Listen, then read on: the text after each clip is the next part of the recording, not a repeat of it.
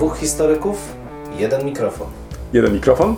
Dwóch historyków? No nie, ale to znowuż mi wszedłeś w paradę. No tak zazwyczaj się dzieje. Profesor Krzysztof Równiewicz.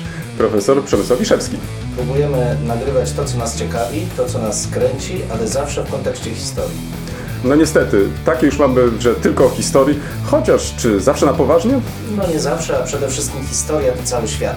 To nie tylko to, co minęło, ale też to, co jest teraz. Chcemy pokazać, że w historii można poznawać się w różny sposób. Zdecydowanie w różny sposób i nawet można się nią bawić. Państwo wszyscy widzą, że się uśmiechamy, więc my się też bawimy nieźle. Bardzo dobrze. Dwóch Liczymy historyków, jeden mikrofon. Jeden mikrofon? Dwóch historyków. No i kto pierwszy zacznie? No właśnie, kolega tym razem nie wytrzymał. Ostatnio było tak, że to ja nie wytrzymałem i później kolega mnie tutaj tak poprawił, że nie wytrzymałem i coś powiedziałem. No ale dzisiaj ty, ja byłem pierwszy, w związku z tym ty pierwszy wyciągasz baterię swoich książek. Tak, proszę Państwa, tym razem faktycznie przygotowałem kilka, no nie tylko lektur, ale pomyślałem sobie, że może dobrze będzie też e, wprowadzić pewne elementy dźwiękowe do naszych audycji. Co Państwo na to? To oczywiście dzwonek, to dźwięk dzwonka, to nic szczególnego, ale pomyślałem sobie, że skoro mówimy na przykład o lekturach e, i później przechodzimy tak płynnie, jak to w tych naszych ostatnich odcinkach e, zwykle bywało, mm, do właściwego tematu, to może dobrze jest tak od czasu do czasu oddzielić. To znaczy, żebyście Państwo też może, mm, skoro chcecie się skoncentrować tylko na właściwym temacie, to mogli na przykład mm, znaleźć ten dźwięk dzwonka i od tego dzwonka już tylko słuchać. No nie wiem, liczę na to, że słuchacie cały odcinek, ale nie wiem jak sądzisz. Myślisz, że nasi słuchacze tak będą tak teraz od tego dzwonka? Ja, ja dzwonka, uważam, czy... że to jest bardzo fajny pomysł, bo jak już będziemy za bardzo przynudzać i nasi słuchacze będą przysypiać, to ten dzwonek ich tam dobudzi i wtedy... To w takim razie powtórzę. O, czyli ten dźwięk będzie Tak, tak, zachęcać tak. do tego, żeby się w końcu obudzić. Żeby jednak mimo wszystko, mimo że tak nudzimy, to coś... Wiesz, to znaczy taki nie, bo jak zacząłem ostatnio przeglądać nasze statystyki, to, to chyba do końca tak nie zanudzamy. To znaczy jestem naprawdę zachwycony tym, zresztą nigdy nie liczyłem, że aż tylu będziemy mieli słuchaczy i słuchaczki. To też muszę tak podkreślać, bo naturalnie nasz podcast jest skierowany zarówno do płci męskiej, jak i żeńskiej. Ty się nie zagłębiaj, powiedz jakie masz książki. Ach, czyli od razu kolega do rzeczy, takich bym powiedział, bardzo oczywistych. W takim razie, dobrze, przechodzę do książki. On kocha ten dzwonek, chciałem zwrócić Państwu uwagę. Trzeci raz go już użył, kocha ten dzwonek. Tak, zwłaszcza ten dźwięk, który pozwala nam oddzielić jedną część od drugich. Proszę Państwa, tak, nie wiem, czy Państwo też tak czasami mają, ale miałem kilka godzin czasu. Byłem we Wrocławiu, nie jestem codziennie, z racji chociażby też panującej pandemii i tak dalej, ale w chwili, kiedy już się znalazłem we Wrocławiu, miałem kilka spraw do załatwienia, miałem kilka godzin, pomyślałem sobie, że to jest dobry moment, żeby odwiedzić te znane księgarnie, do których częściej zachodziłem, żeby sprawdzić, jakie są nowości. I pomyślałem sobie, że może najwyższy czas, żeby w końcu też odwiedzić te księgarnie i zobaczyć, co nowego się pojawiło. Oczywiście każdy z nas ma tę możliwość, że może w internecie sprawdzić, często też dowiadujemy się na Facebooku na przykład o nowościach. Mamy jeszcze naturalnie różnego rodzaju inne komunikatory, za pomocą których dowiadujemy się o tych nowościach, ale myślę, że kontakt z księgarzem jest tutaj bardzo ważny, zwłaszcza w tym takim trudnym okresie, kiedy do końca nie jesteśmy pewni, czy księgarnia jest zamknięta, czy otwarta. W, ja już nie mówię tutaj kondycji księgarzy, bo to jednak dla nich też jest to bardzo trudny okres. Stąd też wydaje mi się, że odwiedzenie tych księgarni, porozmawianie przynajmniej przez chwilę z księgarzami jest tutaj rzeczą ważną. No ale niestety, jak to czasami bywa, no, zresztą w moim przypadku to niestety jest chyba reguła, że skoro już odwiedzam tych księgarzy, no to nie mogę wyjść z pustymi rękami. No i proszę Państwa, tak się też i tym razem złożyło, że postanowiłem kupić kilka książek, bo nie tylko dlatego, że to jest jakaś tam pomoc, żeby wesprzeć właśnie w tym trudnym czasie te księgarnie, tych księgarzy, ale też pojawiło się naprawdę sporo bardzo ciekawych książek i myślę, że z punktu widzenia osób zainteresowanych historią, to są to naprawdę bardzo ciekawe propozycje. Więc jeśli pozwolisz, tym razem trochę może więcej tytułów, ale tylko dlatego, że właśnie byłem w księgarni, postanowiłem zakupić, będę je teraz czytać, nagrywamy nasz odcinek 1 maja. To oznacza dla wszystkich majówka, więc dla mnie też e, jest to okazja, żeby poświęcić trochę więcej czasu na lekturę, a zwłaszcza być może nadgonić te lektury, które jakoś e, dotąd, czy na które dotąd nie miałem specjalnie czasu. Zacznę od lektury, która Ciebie powinna zainteresować, ale to tylko dlatego, że pamiętam, podczas e, nagrywania ostatniego odcinku zwróciłeś mi uwagę, że Ty zajmujesz się, czy zająłeś się książką, która nie do końca pasowała do Twoich zainteresowań. Nie, inaczej. To nie była Twoja epoka, choć Twoje zainteresowania. Tym razem pomyślałem sobie, hmm, zrobię Ci jakiś mały prezent. A co? Żeby nie było tak, że ktoś, kto się zajmuje historią tylko najnowszą, nie sięga po książki z wcześniejszych okresów, a zwłaszcza książki naprawdę, do których warto zajrzeć. Mianowicie chciałbym zwrócić uwagę na książkę Aby Warburga, historyka sztuki, który e, właśnie ukazał się jego wybór esejów w języku polskim od Florencji do Nowego Meksyku. No jest to kapitalna lektura. Jeden z bardziej znanych, chociaż szczerze e, powiedziawszy, osób jednak mimo wszystko chyba zapomnianych mm, wśród e, mm, historyków, a zwłaszcza historyków sztuki, który napisał e, kapitalne eseje z zakresu wizualizacji historii. Jego analizy dzieł malarskich no, tutaj zachwycają i przede wszystkim koncentrował się na okresie XVI-XVII wieku, czyli coś, co mogłoby Cię zainteresować, i to w jaki sposób e, pewne mm, motywy funkcjonowały w kulturze europejskiej i jak one się wyrażały właśnie e, w dziełach e, malarskich. Rzecz naprawdę ciekawa, czyta się to z dużym zainteresowaniem i mimo, że można powiedzieć, to jest klasyka ale czasami warto, wydaje mi się, z mojego punktu widzenia, warto wracać do tej e, właśnie klasyki. Inną rzeczą, e, która mogłaby, ale nie tylko Ciebie, Przemku, ale także i Państwa zainteresować, to myślę mm, to, do czego wielokrotnie wracaliśmy podczas naszych odcinków. Mianowicie zastanawialiśmy się mm, nad granicami europejskości, czy też inaczej, jakie granice ta Europa ma. I tutaj wybrałem zbiór esejów, e, który mnie zainteresował rzecz, i ty ostatnio też zwracałeś uwagę na to, w jaki sposób się pisze. Czy książki, które czytamy, one także językowo do nas jakoś przemawiają. I tutaj wybrałem zbiór esejów Tadeusza Różyckiego Próba ognia, błędna kartografia Europy. Rzecz, jeszcze nie przeczytałem, od razu mówię, ale przeczytałem pierwsze strony, no, która mnie zachwyciła wręcz. To znaczy sposób patrzenia na Europę taki bardzo nietuzinkowy. To znaczy szukanie też e, czegoś, e, co byśmy nazwali bycia Europejczykiem, ale też e, w kontekście takim, jak często ta Europa stawiana jest pod znakiem zapytania, jak często stawia nam się granice, jak powinniśmy tak naprawdę także w dzisiejszej Europie te granice pokonywać. To jest o tyle rzecz dla nas ważna, bo ponieważ, tak jak wspomniałem, nagrywamy ten odcinek 1 maja. Jest to 17. rocznica wstąpienia Polski do wspólnot europejskich, więc y, wydaje mi się, że to jest rzecz naprawdę dla nas ważna, kluczowa i powinniśmy o tej Europie chyba częściej rozmawiać. Mam nadzieję, że ta książka, y, o której wspomniałem, Tadeusza Różyckiego, może być taką właśnie chociażby propozycją. Inna rzecz, na którą chciałbym zwrócić uwagę, to właśnie ukazał się kolejny rocznik znanego być może także i Państwu Deutsches Polinstitut w Darmstadcie, Instytutu Polskiego, Niemieckiego Instytutu Polskiego w Darmstadcie. Tym razem jest on poświęcony w całości Górnemu Śląskowi, to znaczy Oberschlesien. Um, ja bym sobie życzył, gdyby na przykład taki tom się też ukazał o Dolnym Śląsku. Znajdziecie Państwo ogromną liczbę kapitalnych tekstów, spojrzenia na Górny Śląsk z różnych punktów widzenia. I to, co Ciebie szczególnie też interesuje, mm, czyli kwestie tożsamości, to znaczy jak zdefiniować dzisiaj śląskość.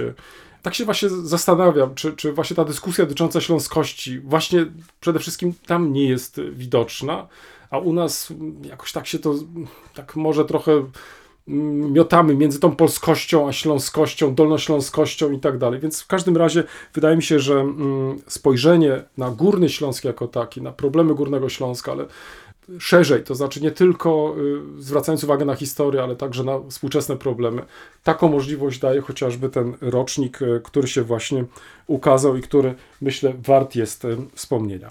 Ale są, proszę Państwa, także i książki innego typu, takie, które wydaje mi się też my jako historycy powinniśmy do nich e, sięgać. Narodowe Centrum Kultury zainicjowało wydawanie mm, serii publikacji pod wspólnym tytułem wojny kulturowe przeciwko Polsce. To mnie zaciekawiło, muszę przyznać, ponieważ to pojęcie wojny kulturowe, to znaczy co pomysłodawcy tej serii mieli na myśli, wzbudziło moje zainteresowanie. Tutaj postanowiłem zakupić e, tomy tej serii, ponieważ są one mniej lub bardziej związane z tym, czym ja się zajmuję. Pierwszy tom, który mm, rozpoczyna tą serię, ukazał się mm, w ubiegłym roku, jeśli się nie mylę. Tak, w ubiegłym roku Jacka Kordela, Królestwo Anarchii w poszukiwaniu nowożytnych wyobrażeń o Rzeczpospolitej i jej mieszkańcach. Drugi tom natomiast e, to tom e, Grzegorza Kucharczyka, Długi Kulturkampf pruskie i niemieckie wojny kulturowe przeciw Polsce w latach 1795-1918. Wymieniam mm, na razie te tytuły, ponieważ e, mm, jak Państwo się domyślacie, te książki wprawdzie zakupiłem, ale jeszcze ich nie czytałem, ale tak jak wspomniałem, tu może przywołam zmarłego mojego mistrza, mm, profesora Wrzesińskiego, który w chwili, kiedy przed laty mm, zastanawialiśmy się nad pewnym spojrzeniem na historię Śląska, to znaczy jak ten Śląsk pokazywać, y, co możemy ciekawego w, jako historycy mm, wnieść do debaty na temat historii Śląska, to on y, był zdania, że powinniśmy skończyć z tym, co nas dzieli, tylko szukać w tej historii Śląska to, co nas łączy, to znaczy, lub też zwracać uwagę na specyfikę, mając na uwadze rozwój Śląska. E, jestem bardzo ciekaw e, tych publikacji, czy chodzi tutaj tylko o to, ażeby w negatywnym świetle przedstawić e, takie czy inne państwo, czy taki czy inny sposób patrzenia przez takiego czy innego autora, czy też jest tu jednak szukanie pewnego dialogu, to znaczy dialogu między nami, który prowadzimy, który jest krytyczny, ale jednak mimo wszystko służy naszemu sąsiedztwu, bo raczej ja tak w takich kategoriach rozpatruję te nasze relacje, że możemy się oczywiście różnić, ale rzeczą jak gdyby nadrzędną powinno być to, że no, to nie jest też tak, że wybraliśmy sobie to sąsiedztwo. Ono po prostu jest i tu powinniśmy szukać faktycznie jakiegoś takiego, mm, e, takiej platformy zrozumienia, czy też e, takiej e, możliwości zrozumienia, lepszego poznania się też. Więc jestem bardzo ciekaw, czy chodzi tutaj tylko o to, żeby przekonać nas jeszcze w tym, że te relacje były trudne, że zawsze byliśmy skonfliktowani i, i praktycznie nie ma jakiegoś większego tutaj rozwiązania, czy też drogi wyjścia, czy też no, po prostu szuka się tego dialogu poprzez właśnie zwrócenie na, na to, że, że w przeszłości jednak różniliśmy się, że były konflikty itd., tak itd. Tak na tym poprzestanę, bo myślę, że to jest chyba wystarczająca ilość tych już publikacji, lektur, sugestii. Od razu e, zastrzegam się, przepraszam za może to zasypanie, ale z drugiej strony pomyślałem sobie, no skoro już jestem w tej księgarni, powiem no. w ten sposób, no, no nie sposób tych książek po prostu nie kupić. No. no myślę, że te dwie ostatnie to miałbym A, duże poczekaj. wątpliwości, bo bo ten zarówno tytuł serii, jak i te tytuły książek, ale mówię, to też chciałbym przejrzeć, raczej kojarzą mi się z próbą zbudowania takiego o, wrażenia, że w różnych krajach, nie tylko w Niemczech, dominowała narracja niechętna Polsce, taka bardzo negatywna w związku z tym, i to już od okresu nowożytnego, w związku z tym ta anarchia, e, zła gospodarka i tak dalej, i tak dalej. I to się da zrobić bo w, nawet jeśli weźmiemy wczesno-średniowieczne opinie, marginalne bardzo często w, o Polsce, to rzeczywiście rzadko one są jakoś szczególnie przychylne, ale taką opinię budując jednostronnie, to znaczy pokazując, że cały świat źle myśli o Polsce, a nie mówiąc, że generalnie z punktu widzenia niemal każdego narodu cały świat myślał źle o jego kraju, bo niestety tak jest w historii, że stereotypy, zwłaszcza te popularne, są zazwyczaj negatywne, rzadko pozytywne o sąsiadach, o, mhm. o, o kimś, kto jest obok nas. To budowanie takiego w ogóle konceptu wojny kulturowej przeciwko Polsce mnie przeraża, bo wykrzywia strasznie nasze widzenie, znowu w kierunku polonocentrycznym. Ale do tego jeszcze wrócę. Na razie chciałbym z kolei ze swojej strony mamy 1 maja, święto pracy.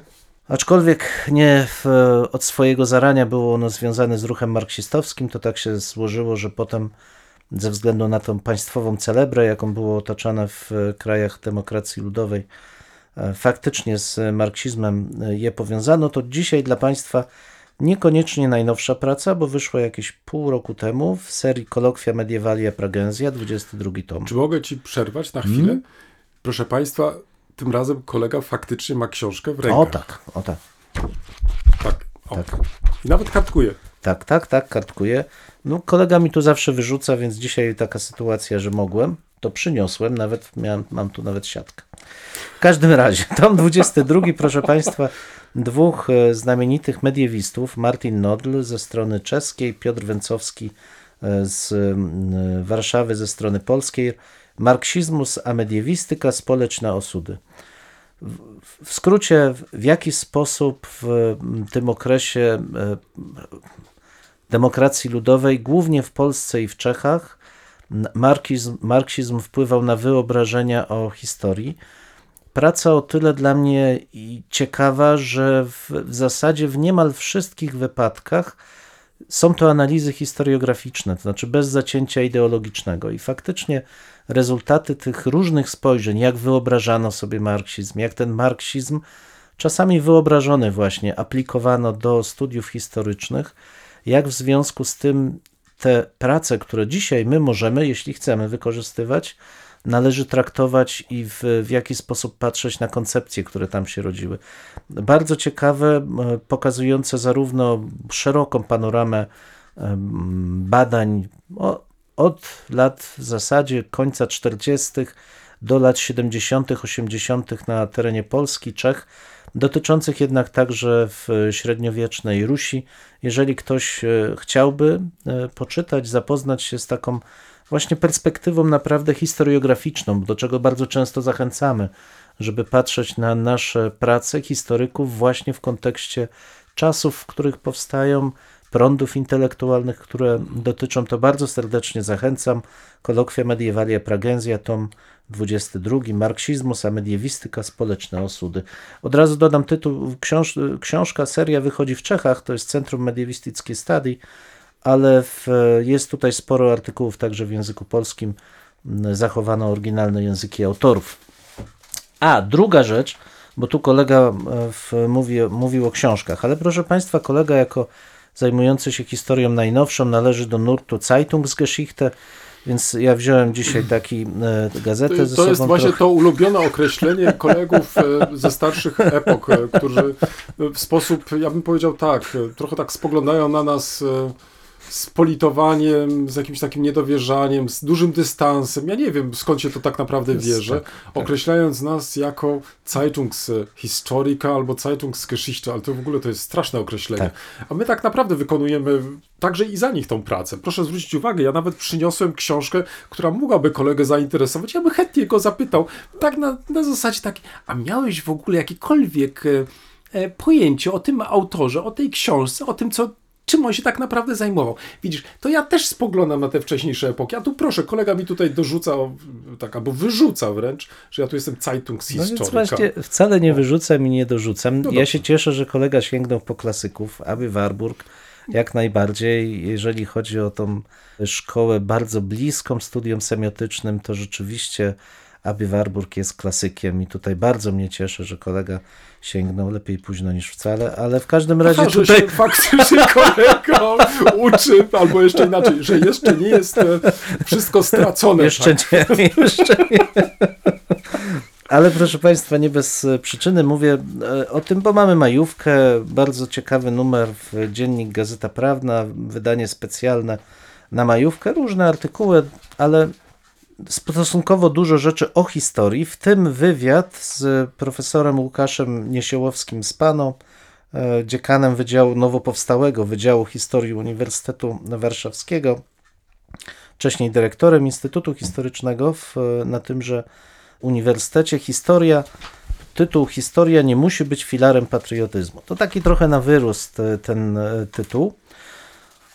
Natomiast cały wywiad jest o tyle ciekawy, że obrazuje podstawowy problem, który chyba my jako historycy mamy mm, w tej chwili, to znaczy jak zdefiniować, czym jest narracja historyczna i jakie jest miejsce historii w społeczeństwie, w sytuacji, kiedy z jednej strony mamy bardzo silną, deprecjonującą w ogóle mm, nauki humanistyczne narrację powiedzmy skrajnie mm, ekonomizujących liberałów, a tak to delikatnie ujmijmy, a z drugiej strony mamy narrację ideologizującą w ogóle humanistykę w kierunku nacjonalistycznym.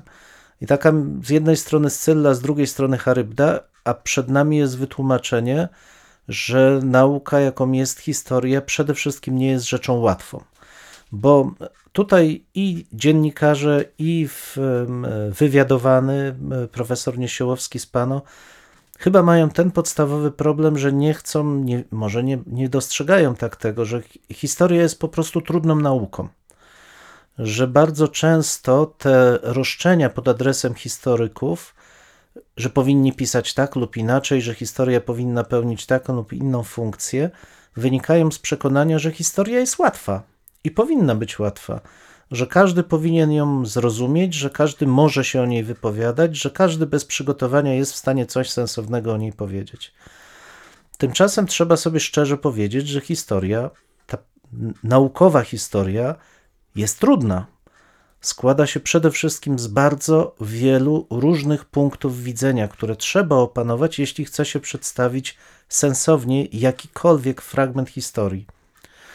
Ja w, czyta, czytałem się ostatnio w taką dyskusję, która mnie trochę zażenowała, trochę zdziwiła. Dotyczyła dopuszczenia podręczników do e, historii przez jednego z recenzentów e, z ramienia ministerstwa, który zażądał, żeby w podręczniku było do historii najnowszej Polski było wyraźnie napisane, że Lech Wałęsa był agentem e, służby bezpieczeństwa. No i Wiele osób argumentowało, że to trochę za mało, że to jedno zdanie wypacza e, w rozumienie w ogóle tej sytuacji.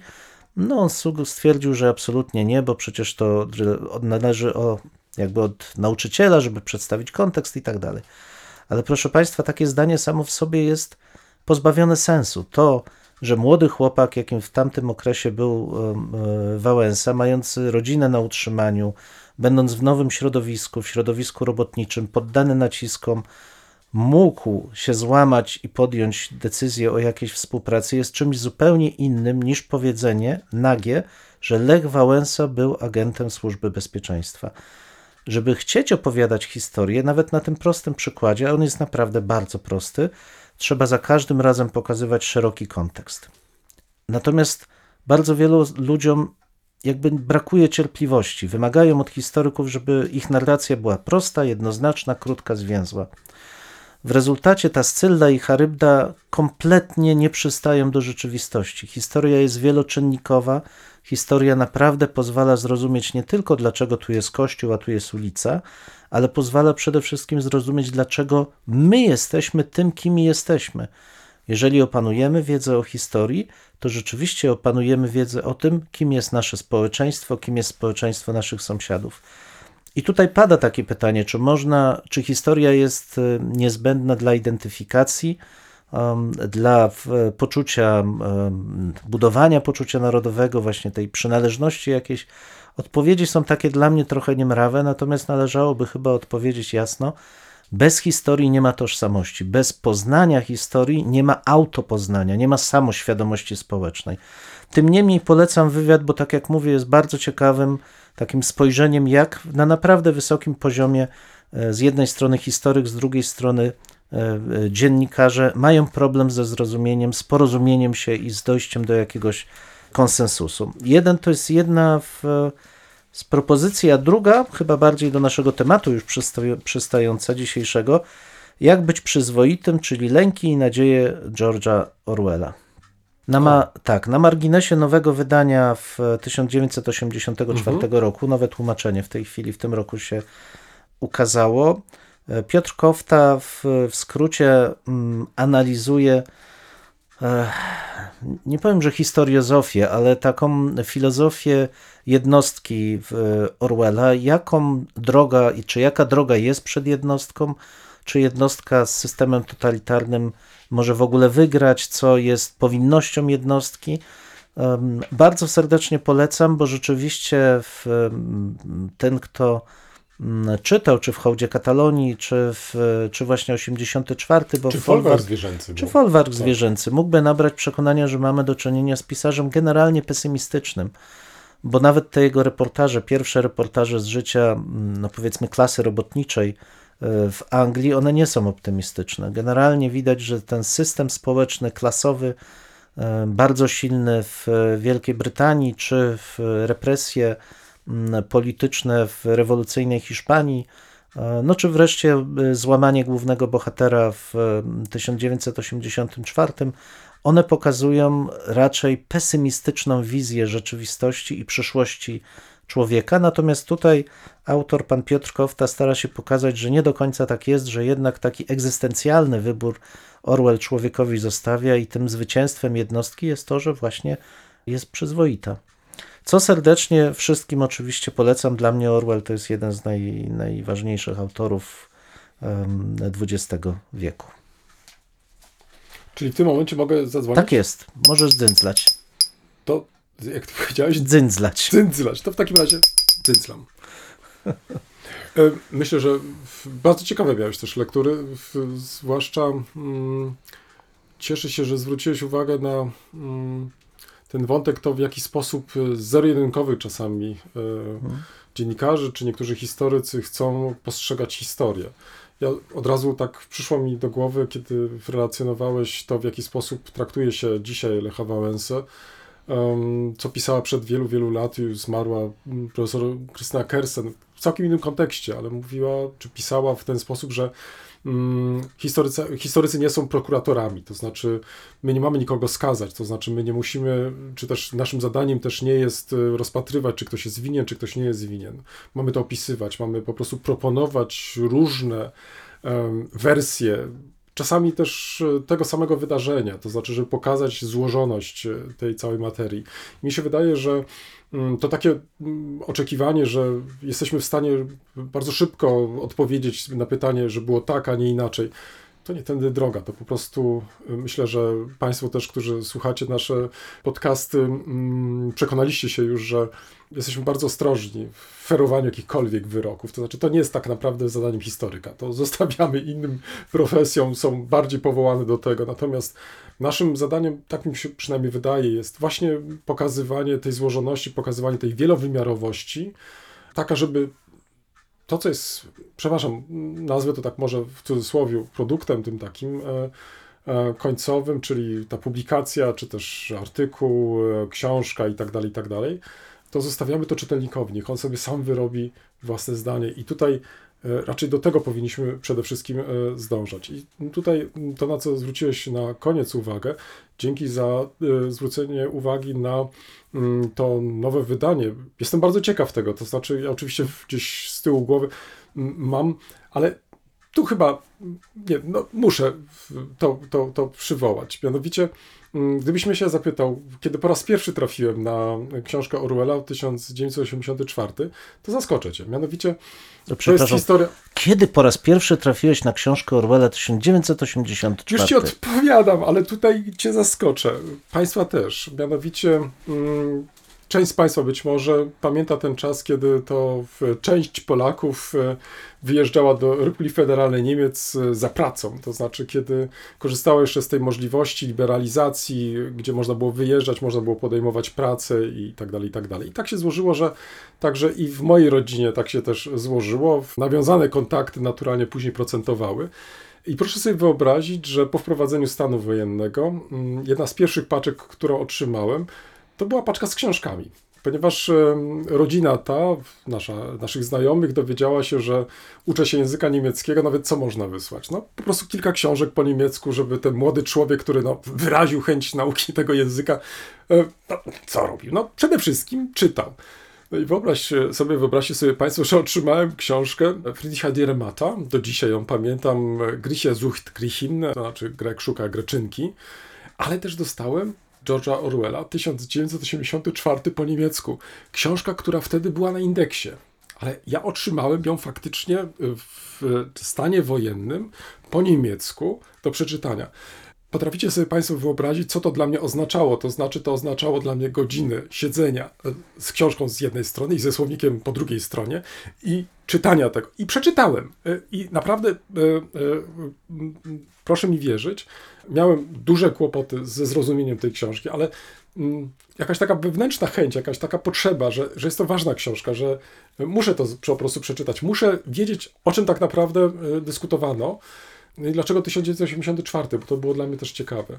Więc jest to także moja taka prywatna anegdota związana z tą książką. Y, oczywiście później sięgnąłem już do polskiego wydania i tak dalej, i tak dalej, ale już to nie było już to takie uczucie, to już nie był ten taki, można powiedzieć, y, entuzjazm czytania tej książki.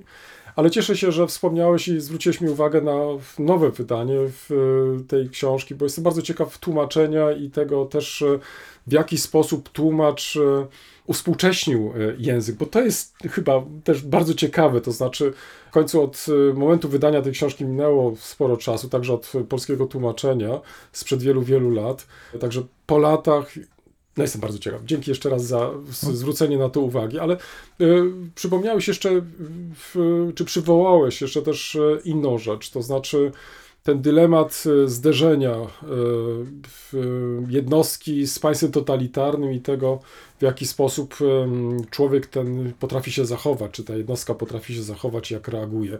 Mi się wydaje, że te pytania nam właściwie coraz częściej wracają. To znaczy, ja nie wiem, czy nie masz też takiego wrażenia, że coś, co może wydawało się dla nas przeszłością, no coś, co może chyba mm, powinniśmy tylko znać już z lektury, dzisiaj staje się znowuż aktualny i ponownie zadajemy sobie te pytania, to znaczy, jakie jest, są relacje między państwem a jednostką, co warunkuje tak naprawdę ich funkcjonowanie. I to chyba jest jeden z tematów naszego e, dzisiejszego odcinka. Tak, no zresztą tak się też umówiliśmy, że za chwilę 3 maja, właściwie Państwo będą słuchać tego odcinka. To prawda. W dniu 3 maja w e, święto mm, Konstytucji. I tak jakby samo przez się zaczęliśmy się też zastanawiać nad tym, dlaczego konstytucja ma tak istotne znaczenie, a szerzej, dlaczego sama idea równości wobec prawa ma tak istotne e, znaczenie w historii, bo od razu trzeba sobie dodać, że to nie jest wcale jakaś idea bardzo e, powszechna. Tak. W gruncie rzeczy jej wprowadzenie w Europie na szerszą skalę to jest dopiero po rewolucji francuskiej. To rewolucja francuska wprowadziła jako pewien dogmat, także prawny, ideę równości wszystkich osób wobec prawa. To znaczy, że ludzie odpowiadają przed jednym prawem. Wcześniej przecież za dużo bardziej powszechne i wręcz obowiązujące było przekonanie, że poszczególne grupy rządzą się zupełnie odrębnymi prawami. No i właśnie, teraz wspomniałeś o tym, że pewne wątki wracają. Wiesz, ja pamiętam jeszcze w latach 90.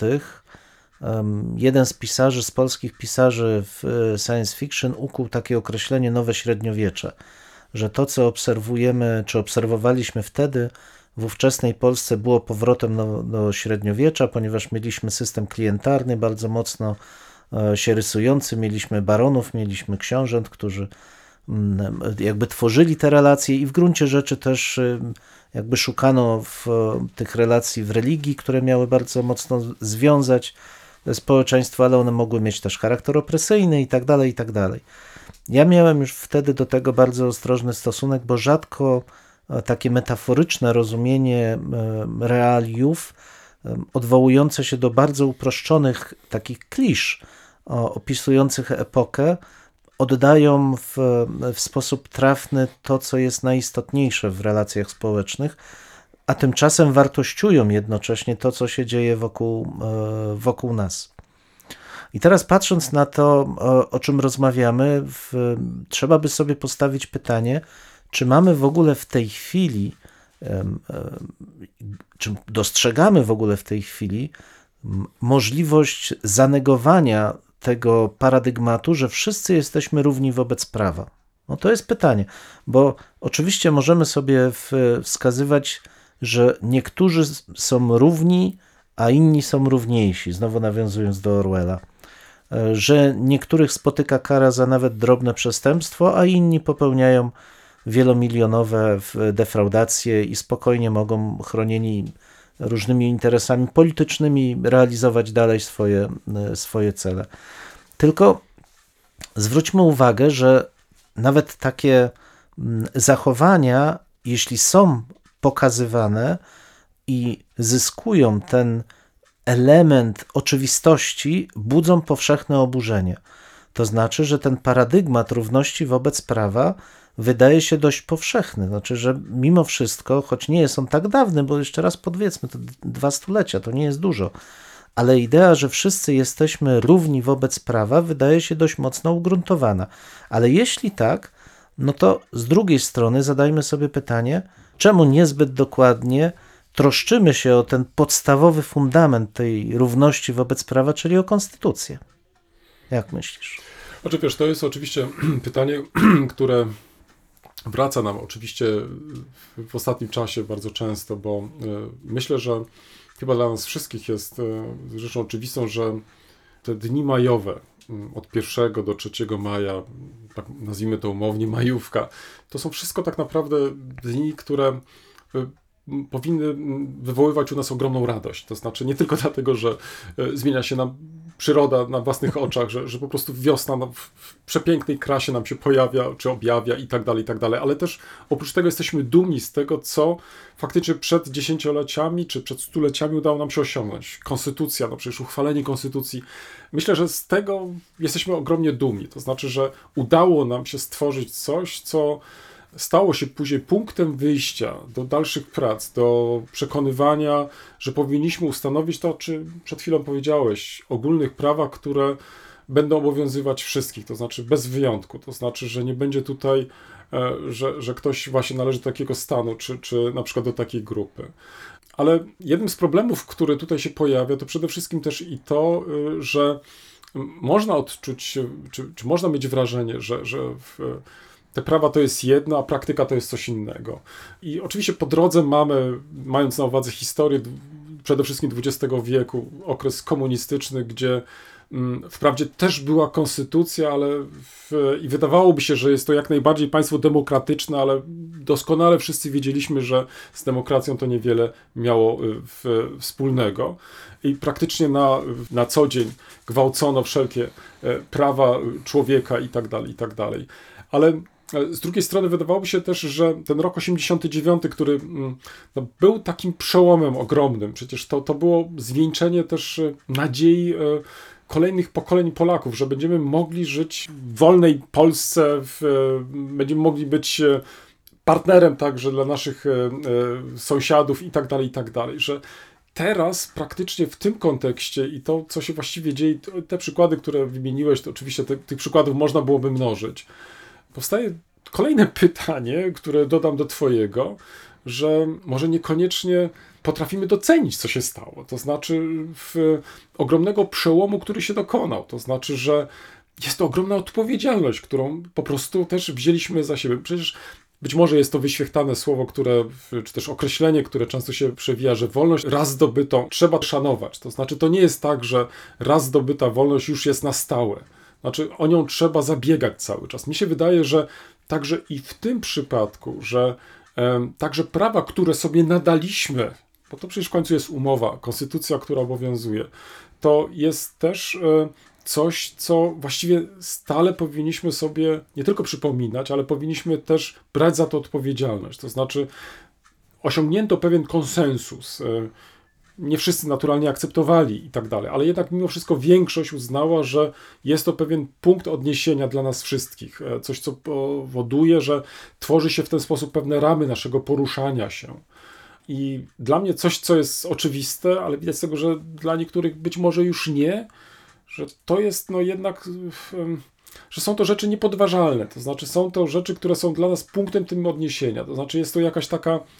No tak jak widzisz, e, to tak jak robimy prawo jazdy, to znaczy no, uczymy się tych zasad i wiemy, że, że jeśli jest światło czerwone, no to po prostu musimy stanąć. No, no, no, no nie sposób, no bo w inny sposób to doprowadzimy do chaosu, do wypadków, śmierci i tak dalej, i tak dalej. To znaczy my musimy się po prostu trzymać pewnych reguł, pewnych zasad i myślę, że jednym z, z takich skutków racjonalizacji naszego życia społecznego, no, od XVIII wieku rozpoczynając, jest właśnie to, że stworzyliśmy te zasady społeczne, które pozwalały nam po prostu funkcjonować i podważanie ich jest bardzo niebezpieczne. To znaczy powoduje, że być może w imię jakiejś e, idei, ideologii, może jednego narodu czy innego, po prostu my je podważamy, żeby wykluczyć innych, to znaczy ograniczyć innych, e, ograniczyć prawa takiej czy innej grupy. No pytanie, czy w chwili, kiedy funkcjonujemy w Europie, bo tu też warto wspomnieć, e, przypominaliśmy dzisiaj podczas tej rozmowy, to nie tylko jest rocznica wstąpienia Polski do Unii Europejskiej, ale też przecież za chwilę będziemy obchodzić święto Europy, że mm, to pokazuje, że my jesteśmy częścią jakiejś większej całości. To znaczy, także i te nasze prawa, które sobie nadaliśmy wiele dziesiątków lat temu, wiele set lat temu i tak dalej, do których jakoś tam nawiązujemy, jeszcze raz chcę podkreślić, entuzjastyczny, przecież to, to jest naprawdę powód do tego, żeby się radować to jednak jest, jesteśmy częścią jakiejś całości. Znaczy, musimy też w jakiś sposób uwzględniać w tych naszych rachubach, że my nie funkcjonujemy gdzieś obok. To znaczy, że możemy tylko funkcjonować z innymi. I czy jesteśmy w ten sposób ograniczeni poprzez swoje prawa? Tak, no oczywiście jesteśmy tutaj w tym sensie ograniczeni, bo musimy mieć na względzie tych, którzy są razem z nami, którzy też razem z nami funkcjonują.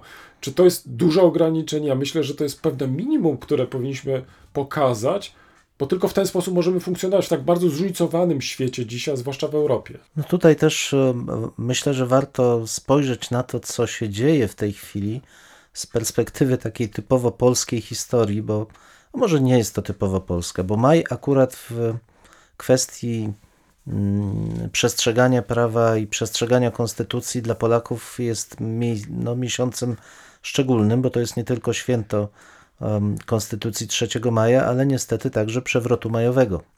A więc wystąpienia marszałka Piłsudskiego przeciwko de facto legalnie funkcjonującemu rządowi i parlamentowi, który notabene nie, nie skończył się uchwaleniem bezpośrednio nowej konstytucji, został zalegalizowany w taki dość nie, no, dwuznaczny sposób, potem e, przy pomocy specjalnej noweli jeszcze dość długo sprawowano kierując się teoretycznie jedną z najbardziej demokratycznych e, konstytucji, jaka w dziejach Polski została uchwalona. Ale ja bym chciał właśnie w tym kontekście zwrócić uwagę na to, że nie ma czegoś takiego jak pełna stabilność prawa. Że jeśli spojrzymy na całą historię ludzkości, to różne porządki prawne, jakie by one nie były, zawsze były kwestionowane.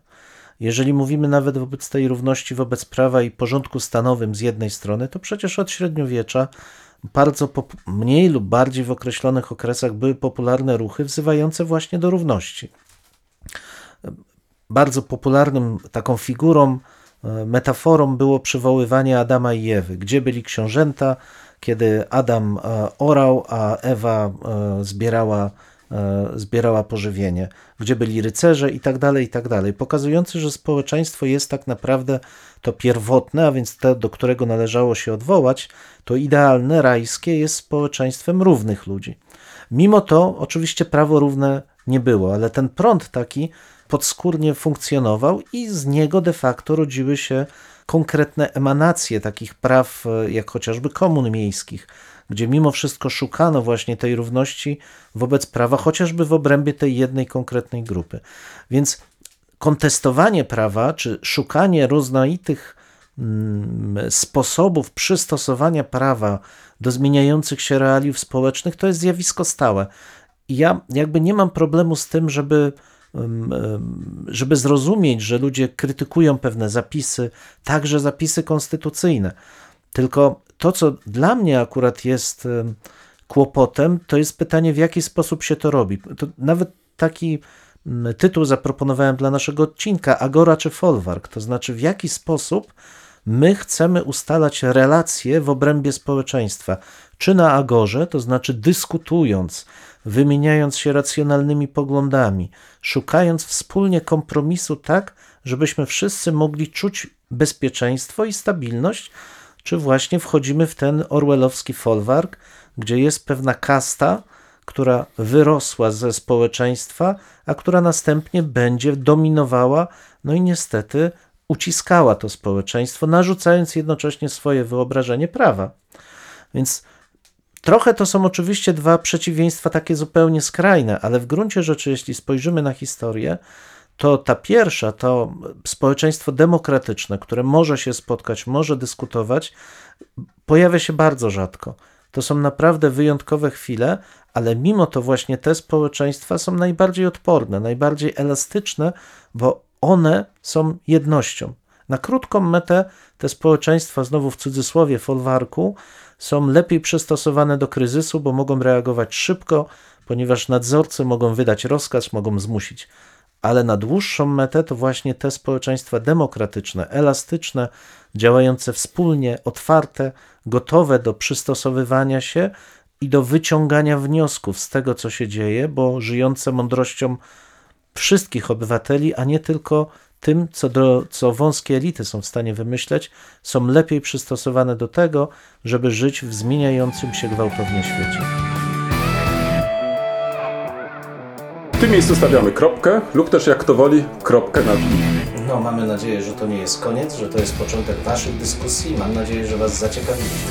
Prosimy o komentowanie naszych zmagań z historią. Poniżej zdjęcia jest wystarczająco dużo miejsca. Pamiętajcie, nie regulujcie odbiorników. No, my naprawdę tak brzmimy. E, tak, chociaż być może czasami e, może trzeba ściszyć. No może czasami ten nasz rechot by się przydało wyciąć nawet. Dwóch historyków, Jeden mikrofon, jeden mikrofon. dwóch historyków. Dziękujemy.